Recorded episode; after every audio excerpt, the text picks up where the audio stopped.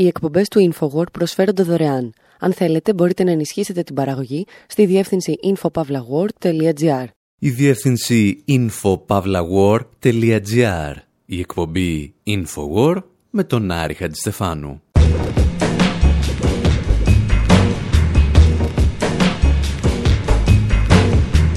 όπου σήμερα συζητάμε για πολιταρχικά καθεστώτα που προσπαθούν να δολοφονήσουν δημοσιογράφους και εκδότες. Συζητάμε για τις Ηνωμένες Πολιτείες, τα Wikileaks και τον Julian Assange, με αφορμή την έναρξη της δίκης του. Θυμόμαστε ιστορίες που λέγαμε στην ίδια εκπομπή πριν από 10 χρόνια για το PayPal, την Visa, την Mastercard και την Αμερικανική Πρεσβεία στη Μόσχα. Θυμόμαστε επίσης τους Έλληνες πολιτικούς που περίμεναν στην ουρά για να συναντήσουν τον Αμερικανό πρέσβη, αλλά και το πώς το State Department παρενέβαινε στις ελληνικές σχολές δημοσιογραφίας. Θυμόμαστε δηλαδή ιστορίες για ήρωες, για μη ήρωες και για προδότες. Back to life, back to reality.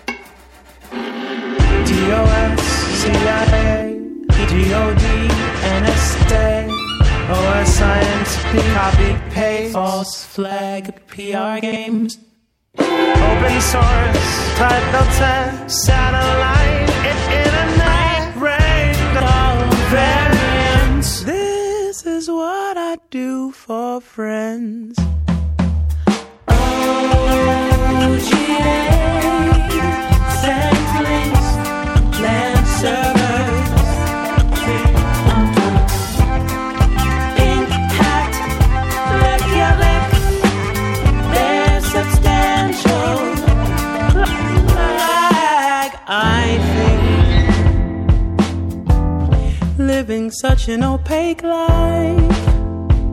I've learned my lessons in tight ropes. It's about securing the keys, securing the keys. How safe you keep your private keys. Το 2014 ο Αμερικανός συνθέτης Ted Hearn συνθέτει το ορατόριο με τίτλο The Source, η πηγή το έργο αποτελείται από σκόρπιες δηλώσεις της Chelsea Manning καθώς και αναγνώσεις τηλεγραφημάτων του Πενταγώνου και του State Department, οι οποίες διέρευσαν μέσω του Wikileaks. Από καλλιτεχνικής απόψεως δηλαδή, δεν ακούγεται.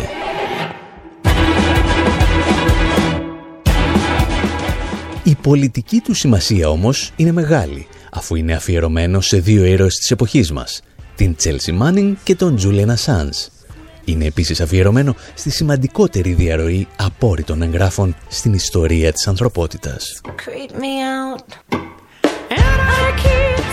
Και επειδή αυτή την εβδομάδα ξεκίνησε η δίκη που θα καθορίσει εάν ο δημιουργός των Wikileaks θα εκδοθεί στις Ηνωμένες Πολιτείες, όπου σύμφωνα με εμπειρογνώμονες του ΟΗΕ κινδυνεύει με περαιτέρω ψυχολογικά βασανιστήρια, εμείς είπαμε να θυμηθούμε ορισμένες από τις σημαντικότερες στιγμές στην ιστορία των Wikileaks.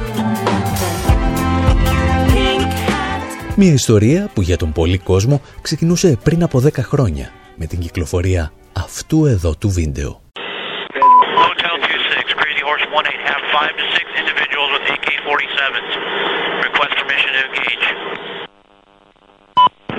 Roger that. Uh, we have no personnel east of our position. So uh, you are free to engage over. Come on, fire. Hey, Roger. Keep shoot. Αμερικανικά μαχητικά ελικόπτερα σπέρνουν το θάνατο σε κάποια μακρινή χώρα.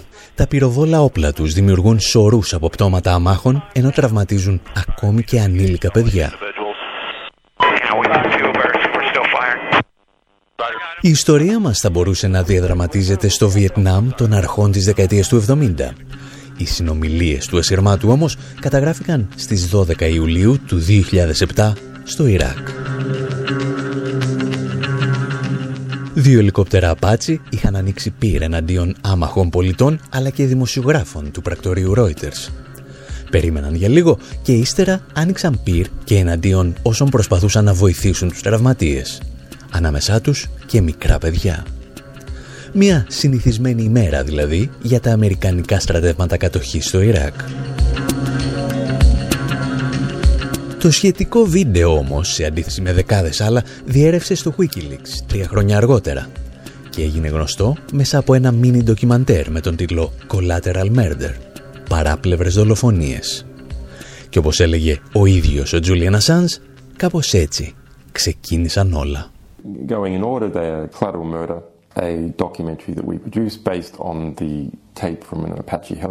αν πάρουμε τα πράγματα με τη σειρά, πρώτα είχαμε την κυκλοφορία του βίντεο με τίτλο Παράπλευρες δολοφονίες.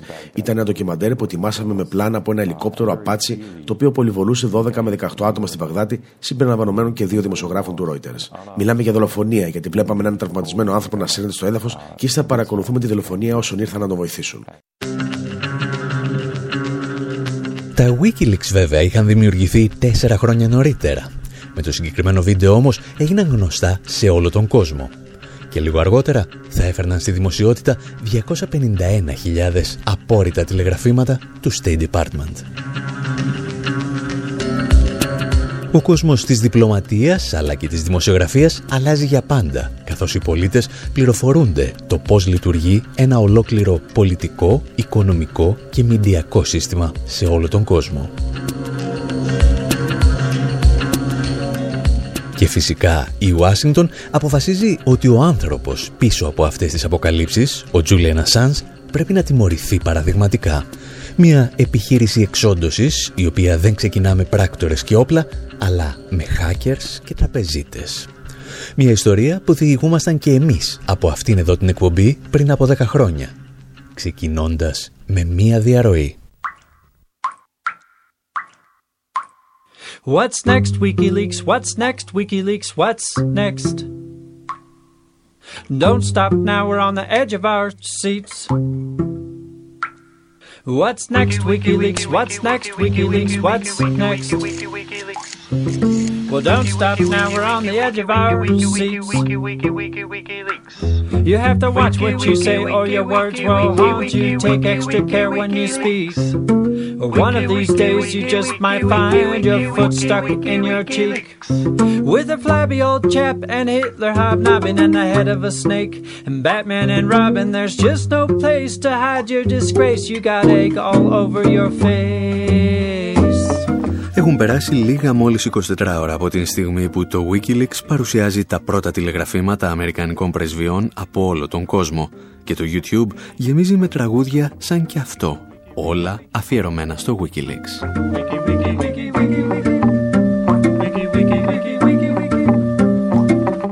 The walls have ears, is your conscience clear?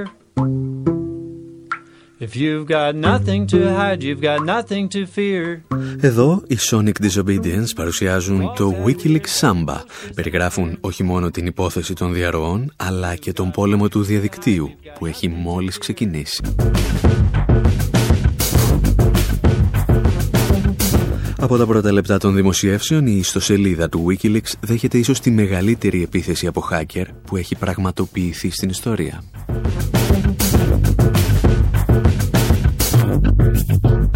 Ένα κύβερνο παρακράτος κάνει εμφανή την παρουσία του.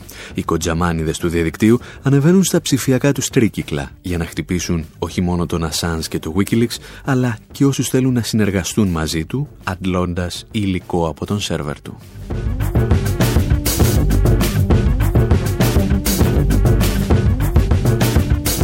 Και όταν το παρακράτος θα αποτύχει σε αυτή του την αποστολή, έχει έρθει η σειρά των θεσμικών να αναλάβουν δράση.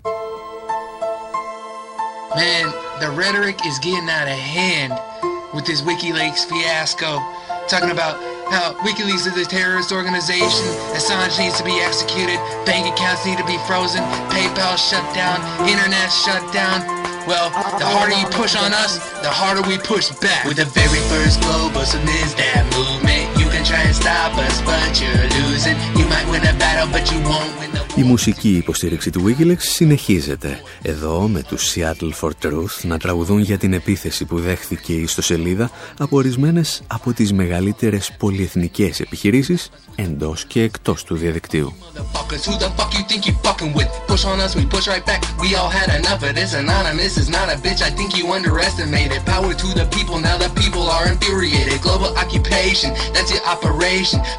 Οι Seattle for Truth τραγουδούν για την PayPal που αποφάσισε να μπλοκάρει το λογαριασμό του Wikileaks ώστε να μην δέχεται χρηματοδότηση από πολίτες. Τραγουδούν για την ελβετική τράπεζα Post Finance που πάγωσε το λογαριασμό του Assange, αλλά και για την Amazon που πέταξε το Wikileaks έξω από τους σερβερ της. Τραγουδούν τέλος για τη Visa και για την Mastercard που διέκοψαν τη συνεργασία τους με το Wikileaks.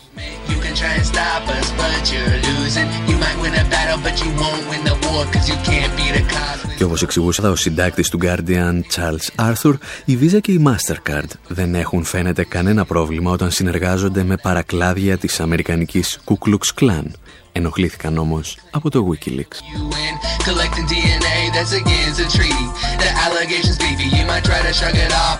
Στο ερώτημα βέβαια γιατί όλες αυτές οι πολυεθνικές επιχειρήσεις προσπάθησαν να κλείσουν το στόμα των ανθρώπων του Wikileaks, η απάντηση είναι απλή. Την έδωσε δημοσίως ο αντιπρόεδρος του PayPal, ο Σάμα Μπαντέρ. Στις 27 Νοεμβρίου λάβαμε μία επιστολή από το State Department, ουσιαστικά δηλαδή από την Αμερικανική κυβέρνηση, που έλεγε ότι οι δραστηριότητες του Wikileaks κρίνονται παράνομες στις Ηνωμένες Πολιτείες. Ως εκ τούτου το Συμβούλιο της εταιρείας αποφάσισε τη διακοπή της συνεργασίας.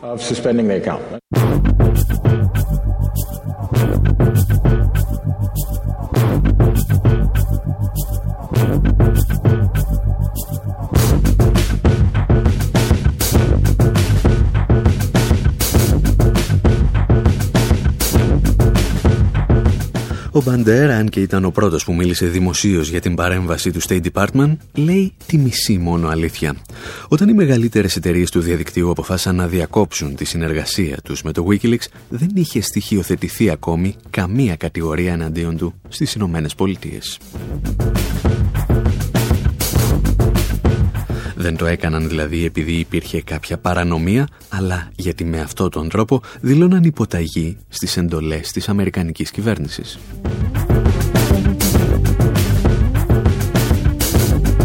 Και το επόμενο ερώτημα είναι γιατί ορισμένες εταιρείες όπως η Visa και η Mastercard να αποφασίσουν να υποκύψουν στα αιτήματα μιας κυβέρνησης προδίδοντας τους πελάτες τους;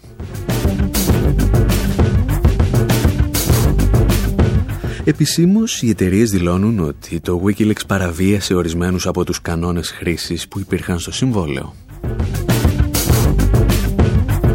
Η εφημερίδα Guardian όμως επιχείρησε να δώσει και μια διαφορετική απάντηση.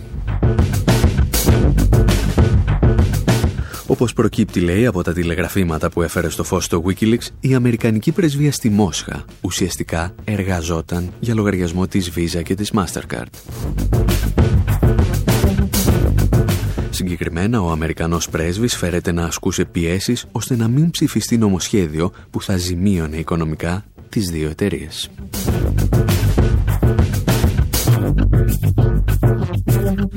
Και φυσικά, αν αληθεύουν οι πληροφορίες που διέρευσαν από την Αμερικανική πρεσβεία στη Μόσχα, είναι προφανές ότι εταιρείες όπως η Visa και η Mastercard είχαν κάθε λόγο να μείνουν πιστές στην Αμερικανική κυβέρνηση και όχι στους πελάτες τους. Εάν ολόκληρη η Αμερικανική πρεσβεία εργάζεται για το συμφέρον σου, δείχνει αν μη τι άλλο αχαριστία να μην υπακούς στις εντολές του State Department.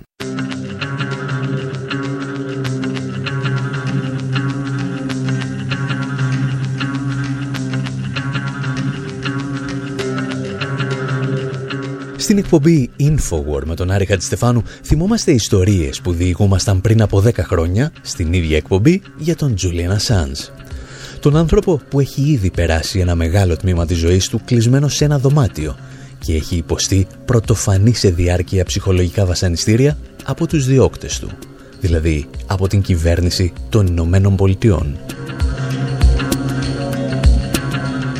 Και για όσους έχουν την τάση να ξεχνούν την πρόσφατη ιστορία, να θυμίσουμε ότι αυτό το ανθρωποκυνηγητό δεν ξεκίνησε επί προεδρίας Τραμπ, αλλά επί προεδρίας του Μπαράκ Ομπάμα. Του ανθρώπου που όπως έλεγε και ο ίδιος ο Τζούλιαν Ασάντς έχει κυνηγήσει περισσότερους πληροφοριοδότες δημόσιου συμφέροντος από όσους είχαν κυνηγήσει όλοι οι πρόεδροι των Ηνωμένων Πολιτειών μαζί.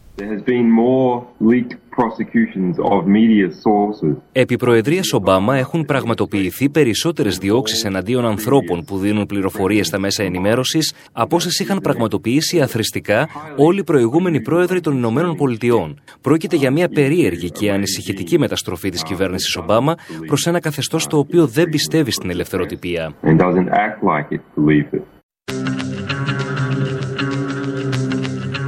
Προφανώς για πολλές από αυτές τις διώξεις χρειάστηκε η συνεργασία και άλλων καθεστώτων, από το Ηνωμένο Βασίλειο μέχρι τον Ισημερινό. Και σχεδόν όλες οι κυβερνήσεις του κόσμου είχαν λόγους να κάνουν το Wikileaks να σιωπήσει, καθώς όλες είχαν κάτι να χάσουν από τις αποκαλύψεις του. Και εμείς, στο δεύτερο μέρος εκπομπής, θα θυμηθούμε ορισμένα από αυτά που έχασαν οι κυβερνήσεις, αλλά και κάποιοι Έλληνες πολιτικοί και δημοσιογράφοι. Εσείς να μείνετε εδώ και το πολύ πολύ να πεταχτείτε μέχρι τη σελίδα μας info.pavlawar.gr SSB shit.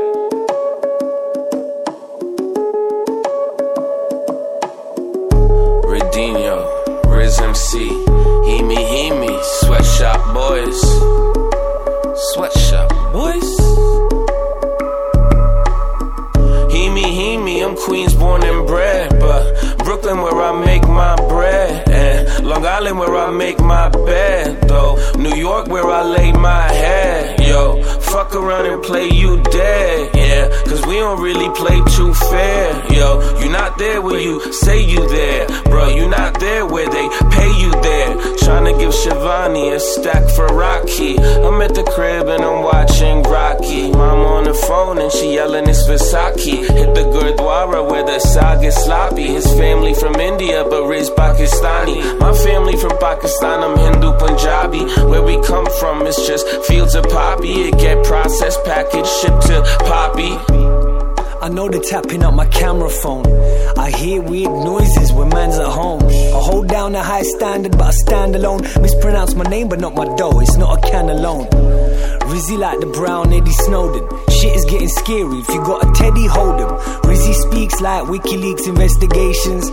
Spit bond like it's my papers. Whether out in Kingsbury or down in Queens, Jamaica. I'm out of Hemi's temple, like, yo, let me meet your maker. We're the same cuz, Jedi, Jew, or Hindu Sikh. From East African plains, like Gucci refugees. SSB for my youth, them to breathe. Let's get free, let's get truth. Who's next to move for my nephew and my nani. My dough sweet like Peshwari, but my beef like Afghani. See, they got a phone tap. What the hell we finna do? Wait, let me down to Park Punjab, Delhi round two. Hey yo, they infiltrate the mosque, tap the phones of boys in blue. And the FBI sting trying to poison up the youth. The youth? It's entrapment. They tap us like we're trapping. Pakistani with a pack, they trap us like we packing. If your skin's tan no shift man, so no slacking. Gatwick out to Staten, Chattanooga out to Chatham. They put the alphabet boys on our case. Yeah, say CIA wanna put us in our place. Pull up in a Wraith, in the mirror, it's the Jakes. We no new friends in case you're undercover snakes. Stairs on the plane, guess it's just another day. FBI, TSA, a high speed chase. I can't breathe, call me Elon, I need space. I got expensive taste passports in the safe. Οι εκπομπές του InfoWord προσφέρονται δωρεάν. Αν θέλετε, μπορείτε να ενισχύσετε την παραγωγή στη διεύθυνση infopavlagor.gr.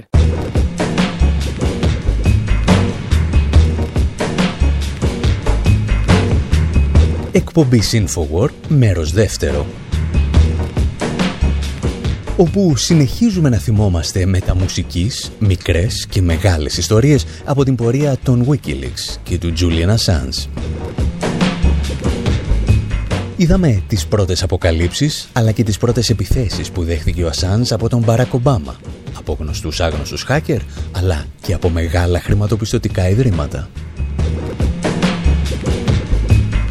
Σήμερα θα θυμηθούμε ορισμένες ακόμη από εκείνες τις αποκαλύψεις που έφεραν τα Wikileaks στο στόχαστρο κυβερνήσεων σε όλο τον κόσμο.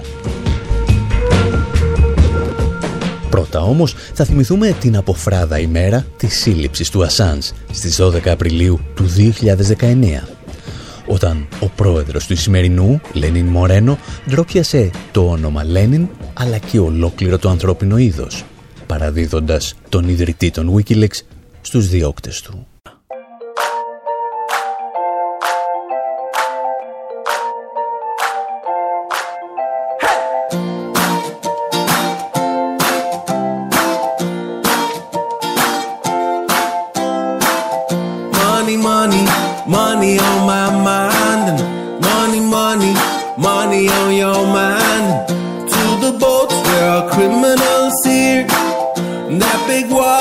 the new smoke crack. Go to Canada, never come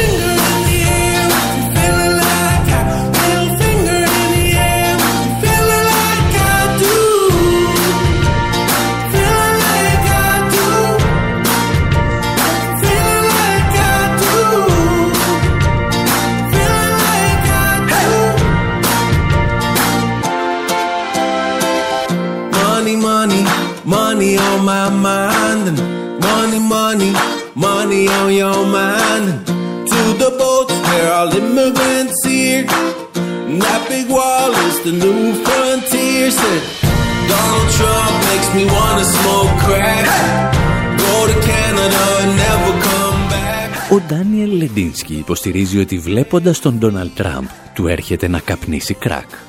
Εμάς πάλι, από όλο το τραγούδι, μας ενδιαφέρει εκείνος ο στίχος που λέει «Πού πήγες, Μπέτι Φρίμαν, πού βρίσκεσαι, Γκόρφι όπου Μπέτι Φρίμαν ήταν η μεγαλύτερη φεμινίστρια συγγραφέα των Ηνωμένων Πολιτειών και Γκορβιντάλ ήταν ο μεγάλος Αμερικανός διανοούμενος που τίναξε στον αέρα όλα όσα ήθελε να συμπεριλάβει στα επίσημα βιβλία ιστορίας το Αμερικανικό κράτος. Ο Γκορβιντάλ βέβαια μας άφησε χρόνους το 2012, αλλά έκανε με έναν περίεργο τρόπο την επανεμφάνισή του στα χέρια του Τζουλένα Σάνς. Καθώς η Βρετανική αστυνομία τον έβγαζε σηκωτό από το κτίριο της πρεσβείας του Ισημερινού, αυτός κρατούσε στα χέρια του ένα βιβλίο με την φωτογραφία του Βιντάλ στην πρώτη σελίδα. Wanna smoke crack.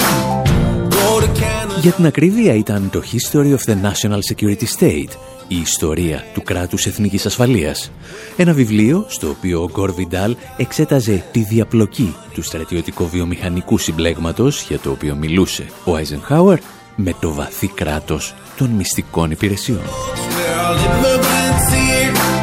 And that big wall. Το βιβλίο είναι μια έκδοση του ανεξάρτητου δικτύου Real News Network και όταν οι αρχές συνέλαβαν τον Ασάνς, οι δημοσιογράφοι του δικτύου κάλεσαν στο στούντιο τον Daniel Ellsberg, ίσως τον σημαντικότερο whistleblower του 20ου αιώνα. Και αυτός τους είπε κάτι πολύ απλό. Η σύλληψη του Ασάνς είναι τόσο παράνομη, ώστε μην ξαφνιαστείτε εάν αύριο συλλάβουν και εσάς, επειδή εκδώσατε ένα βιβλίο που κρατούσε στα χέρια του. if uh, they make the connection of the Real News Network book that he was carrying with him into prison, Αν κάνουν τη σύνδεση με το βιβλίο του Real News Network που ο Ασάν πήρε μαζί του στη φυλακή και το οποίο ο Γκορ Βιντάλ θα ήταν πολύ χαρούμενος, θα μπορούσαν να συνδέσουν ακόμη και εσάς στο κατηγορητήριο. Μπορεί και εσύ να είσαι στην επόμενη δίκη μαζί με τον Τζουλιάν Ασάν. Μπορεί να μην χρειάζεται κάτι περισσότερο. Διάβασα πριν από λίγο το κατηγορητήριο. Μία από τις κατηγορίες είναι ότι παρότρινε την Τζέσιλ Μάνιγκ να του δώσει επιπλέον έγγραφα αφότου του είχε δώσει εκατοντάδες χιλιάδες αρχεία. Αν αυτό είναι έγκλημα, τότε η δημοσιογραφία είναι έγκλημα. Για τις αμέτρητες περιπτώσεις έχω δεχθεί αιτήματα δημοσιογράφου για έγγραφα ή για επιπλέον στοιχεία από όσα τους είχα ήδη δώσει. Κανένας από αυτούς δεν έχει οδηγηθεί στο δικαστήριο μέχρι τώρα. Αλλά σε αυτή την περίπτωση, αν αυτή είναι η εξέλιξη, τότε κανένας δημοσιογράφος δεν είναι ασφαλής. Η ίδια η ελευθερία του τύπου δεν είναι ασφαλής. Τελείωσε. Και νομίζω η δημοκρατία μας διανύει τις τελευταίες τη ημέρες. Γιατί η δημοσιοποίηση στοιχείων σαν αυτή είναι η ψυχή της δημοκρατίας.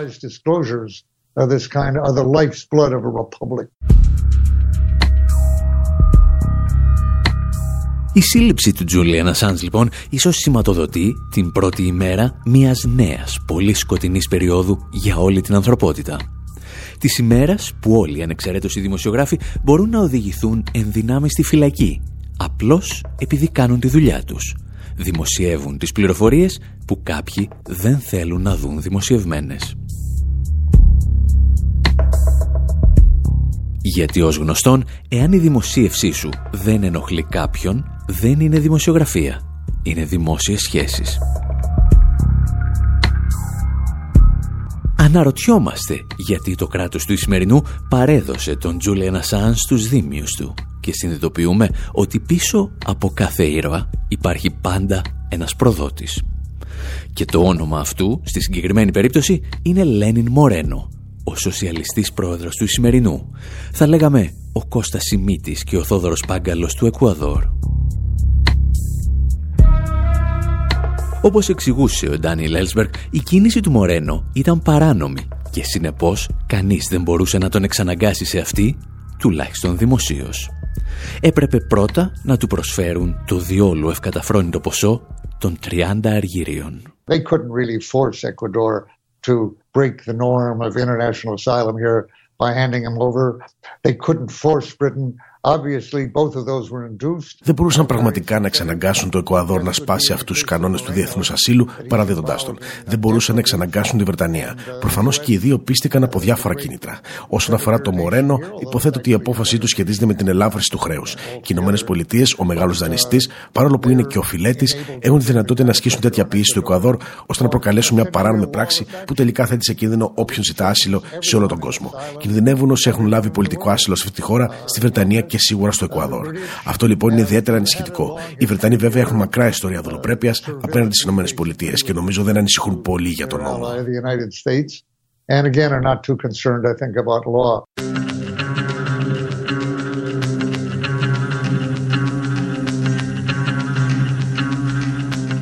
Ο προδότης Λένιν Μορένο λοιπόν παραδίδει τον Ασάνς στους Βρετανούς, μία από τις πιο υποτακτικές χώρες στις Ηνωμένες Πολιτείες.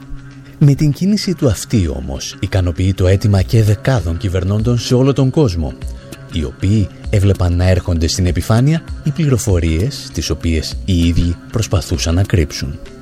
Και μερικές από αυτές τις πληροφορίες που ήρθαν στο φως χάρη στα Wikileaks θα θυμηθούμε ύστερα από αυτό.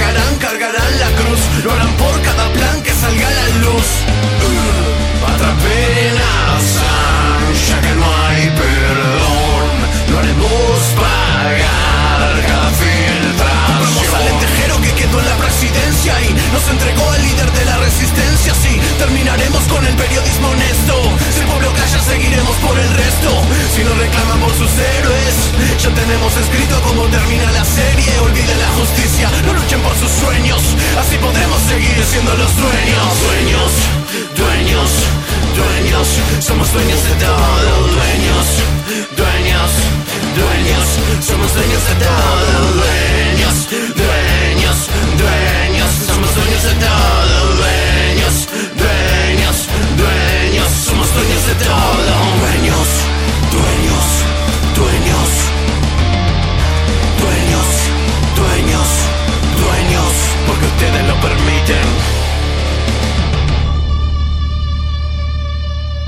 Ντανιέλ Ντεβίτα από την Αργεντινή διηγείται την ιστορία των Wikileaks και του Julian Assange από την πλευρά των Elite, οι οποίες είδαν τα μυστικά τους να βγαίνουν στη φόρα. Δεν θα ανεχθούμε, λένε οι Elite διαστόματος Ντεβίτα, ένα ακόμη έθνος να πληροφορηθεί τη δίψα μας για αίμα. Δεν θα υπάρξει καμία συγχώρεση για τον Assange. Θα πληρώσει για κάθε διαρροή και μαζί του θα πληρώσει και οποιοδήποτε σκεφτεί να πραγματοποιήσει σοβαρή ερευνητική δημοσιογραφία.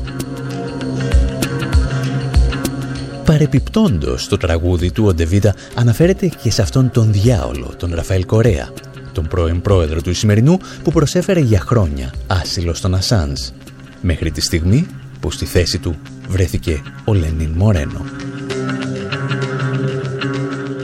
Μια μικρή λεπτομέρεια. Τα Wikileaks είχαν αποκαλύψει τηλεγράφημα του 2007 με το οποίο η Αμερικανική Πρεσβεία στον Ισημερινό εξέβραζε τον θαυμασμό της για τον Λενίν Μορένο. Οι Αμερικανοί διπλωμάτες, βλέπετε, δεν έπεσαν έξω στις εκτιμήσεις τους. Έξω έπεσε ο Ραφαέλ Κορέα.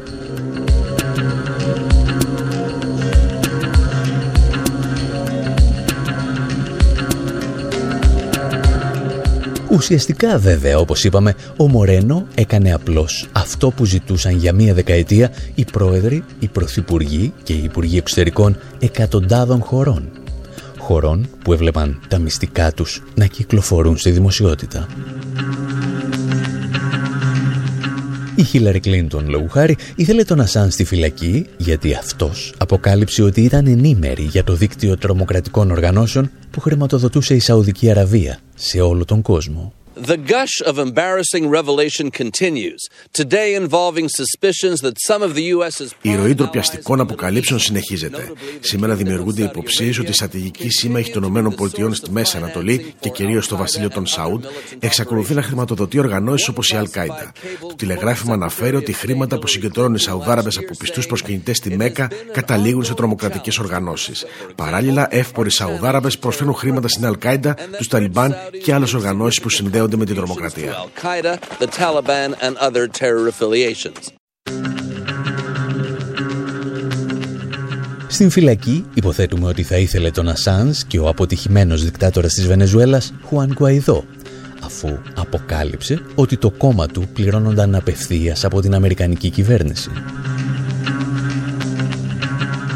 Να ξεφορτωθούν τον Ασάνς θα ήθελαν και τα μέλη της ακροδεξιάς αντιπολίτευσης στη Βολιβία και αυτό γιατί τα Wikileaks αποκάλυψαν πως η Αμερικανική πρεσβεία στη Λαπάζ στήριζε ένοπλες τρομοκρατικές ομάδες που ζητούσαν απόσχηση μεγάλων περιοχών από τη Βολιβία.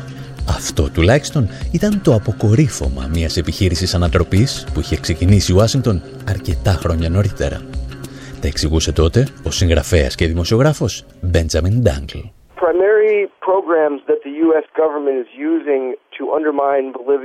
Το βασικό πρόγραμμα με το οποίο η Αμερικάνικη κυβέρνηση υποσκάπτει τη Βολιβία είναι η λεγόμενη Υπηρεσία Διεθνούς Ανάπτυξης των ΗΠΑ.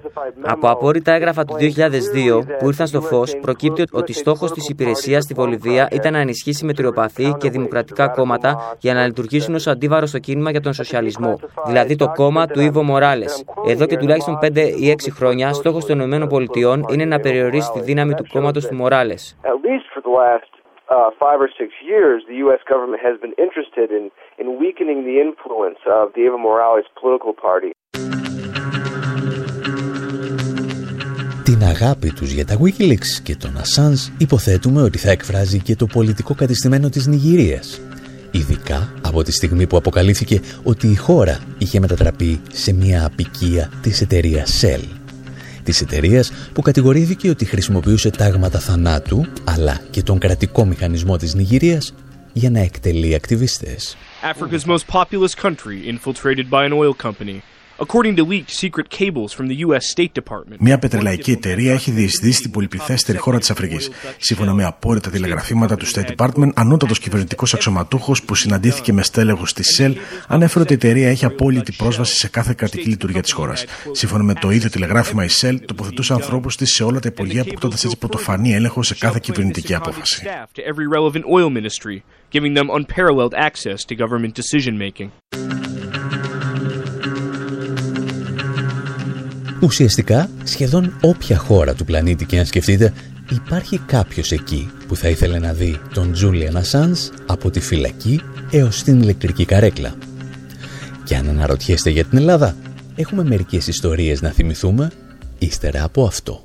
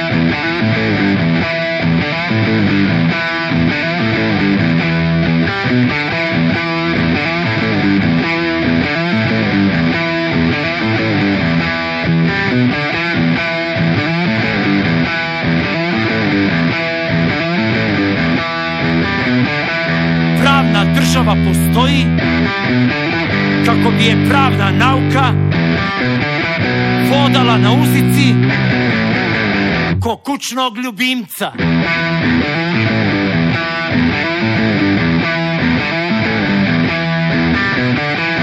Neki advokati su skupi babysiteri koji je izvode na nuždu, al ne kupe govna za njom.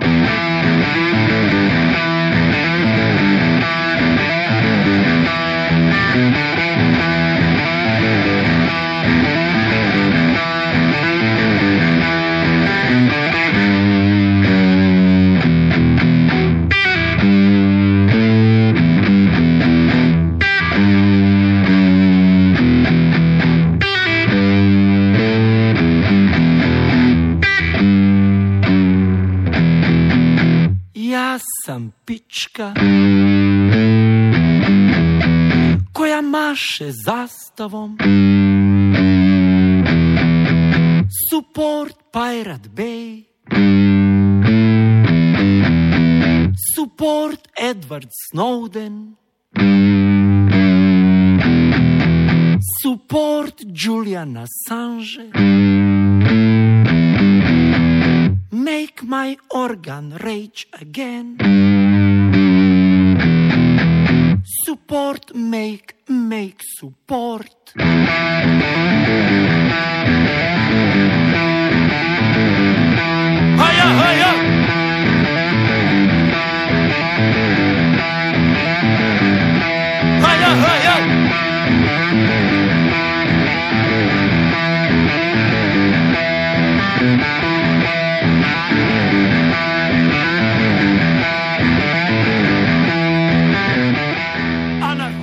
Τουλάχιστον αιρετικός Νταμίρ Αυντίτς από τη Βοσνία Ερζεγοβίνη μας καλεί να στηρίξουμε το Pirate Bay, τον Snowden και τον Assange.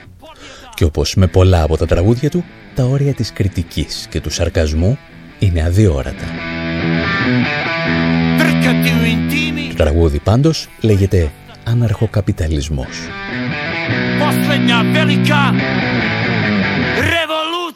Εμείς πάλι στην εκπομπή Infowar με τον Άρη Στεφάνου θυμόμαστε μεγάλες και μικρές ιστορίες από την πορεία των Wikileaks. Και επειδή έτυχε να είμαστε από τους πρώτους στην Ελλάδα που μπορέσαμε να περιπλανηθούμε ανάμεσα στα χιλιάδες τηλεγραφήματα των Αμερικανικών πρεσβειών χάρη σε μια ειδική μηχανή αναζήτησης που είχε δημιουργήσει τότε το Press Project, τυχαίνει να θυμόμαστε αρκετές ελληνικές ιστορίες. Όπως εκείνο το τηλεγράφημα για τις συχνές επισκέψεις του Μιχάλη Χρυσοχοίδη στην Αμερικανική Πρεσβεία, όταν ενημέρωνε τον πρέσβη για τα σχέδιά του για την ελληνική αστυνομία. Ή το άλλο τηλεγράφημα που έλεγε ότι ο Αμερικανός πρέσβης ζητούσε από την Άννα Διαμαντοπούλου να ιδιωτικοποιήσει την ανώτατη εκπαίδευση και να βοηθήσει όσο μπορεί το κολέγιο του Ντυρί. Θυμόμαστε επίσης τα τηλεγραφήματα που αποκαλούσαν τον Γιώργο Παπανδρέου Αμερικανάκι, αλλά και την εκπομπή Φάκελη που έστελνε ρεπορτάζ της στην Αμερικανική Πρεσβεία πριν προβληθούν στην τηλεόραση. Από τα Wikileaks μάθαμε επίσης ότι η Αμερικανική Πρεσβεία θεωρούσε προστατευόμενες πηγές τους προέδρους του Ελιαμέπ Θεόδωρο Κουλουμπή και Θάνο Βερέμι και οποία έκπληξης όταν πληροφορηθήκαμε μερικά χρόνια αργότερα ότι ο Άδωνης Γεωργιάδης αναζητούσε παραθυράκια για να χρηματοδοτεί το Ελιαμέπ με χρήματα των Ελλήνων φορολογούμενων. Παρ' όλα αυτά, αν έπρεπε να συγκρατήσουμε μία πληροφορία που μάθαμε για την Ελλάδα από τα Wikileaks, θα ήταν εκείνο το τηλεγράφημα που αποκάλυπτε ότι η Αμερικανική Πρεσβεία παρενέβαινε σε σχολές δημοσιογραφίας σε μία προσπάθεια να επηρεάσει τους δημοσιογράφους το αύριο για τα αμερικανικά συμφέροντα. Αυτά αποκαλύφθηκαν πριν από 10 χρόνια. Γεγονός που σημαίνει ότι κάποιοι από τους σπουδαστές εκείνης της εποχής εργάζονται ήδη σε μεγάλα ελληνικά μέσα ενημέρωσης.